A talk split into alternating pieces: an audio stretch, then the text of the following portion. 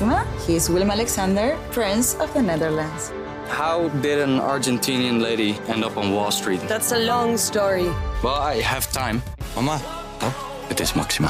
ik heb er nog nooit zo verliefd gezien. Screw everyone. All I care about is you. Maxima. Vanaf 20 april alleen bij Videoland.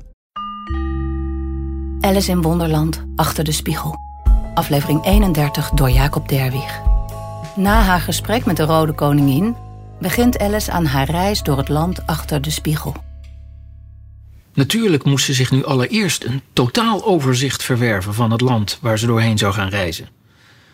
Het lijkt erg op aardrijkskunde leren, dacht Alice, terwijl ze haar hals rekte in de hoop nog wat meer te zien. Hmm, voornaamste rivieren? Zijn er niet. Voornaamste bergen? Ja, ik sta op de enige, maar ik geloof niet dat hij een naam heeft. Voornaamste steden? Hé? Wat zijn dat nou voor beesten die daar honing maken? Bijen kunnen er niet zijn. Geen mens heeft ooit bijen gezien op een kilometer afstand, nietwaar?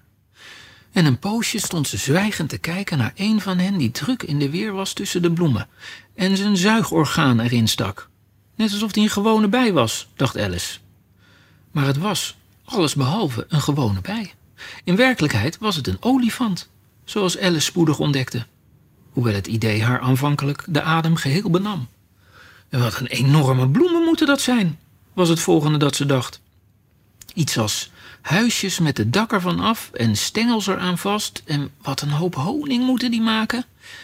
Ik ga maar eens omlaag en. Nee, even wachten nog, ging ze voort, terwijl ze inhield nadat ze net begonnen was de heuvel af te hollen. En ze probeerde een smoes te verzinnen waarom ze opeens zo verlegen werd. Nee, het lukt me nooit als ik erop afga zonder een flinke lange stok om ze op afstand te houden. En wat gek zal het zijn als ze me vragen of ik fijn heb gewandeld. Nou, dan zeg ik: Oh, best wel. En daar volgde het rukje met het hoofd waar zij zo aan verknocht was.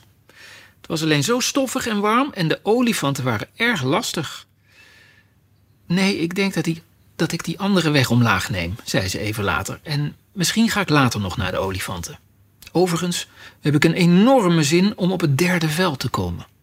Dus met deze smoes holde ze de heuvel af en sprong over het eerste van de zes beekjes. Kaartjes, alstublieft, zei de conducteur, die zijn hoofd naar binnen stak.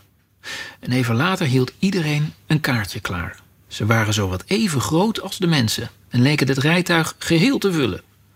Doe dan, laat je kaartje zien, kind, ging de conducteur voort, terwijl die Alice boos aankeek. En een heleboel stemmen zeiden allemaal tegelijk. Was het refrein van een lied, dacht Alice. Schiet op, kind, verdraait nog aan toe.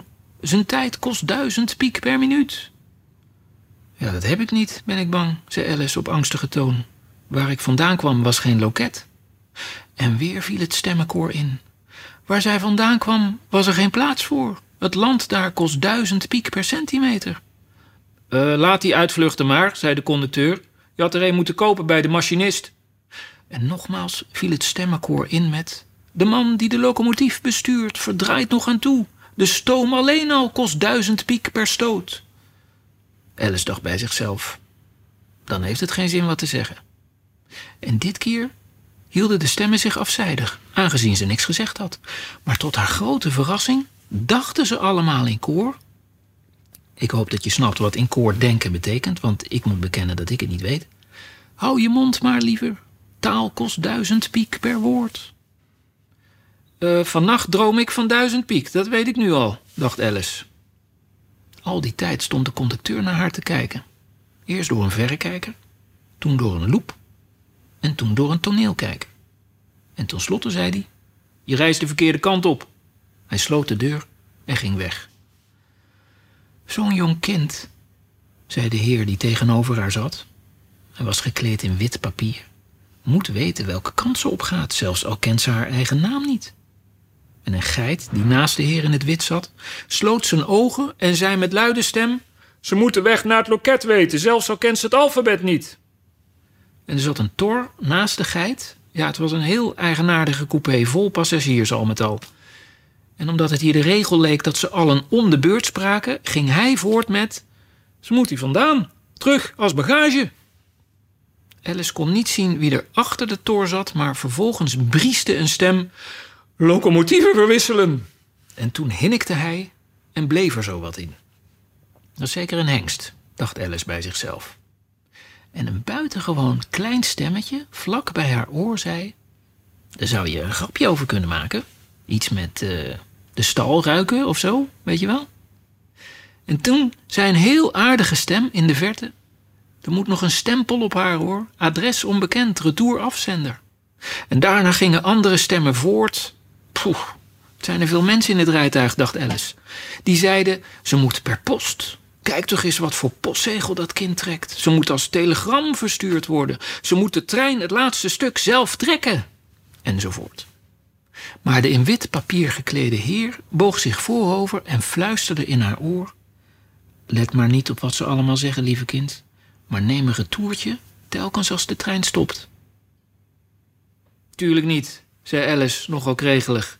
Ik hoor helemaal niet bij deze treinreis. Daarnet was ik nog in een bos. Ik wou dat ik daar maar weer was.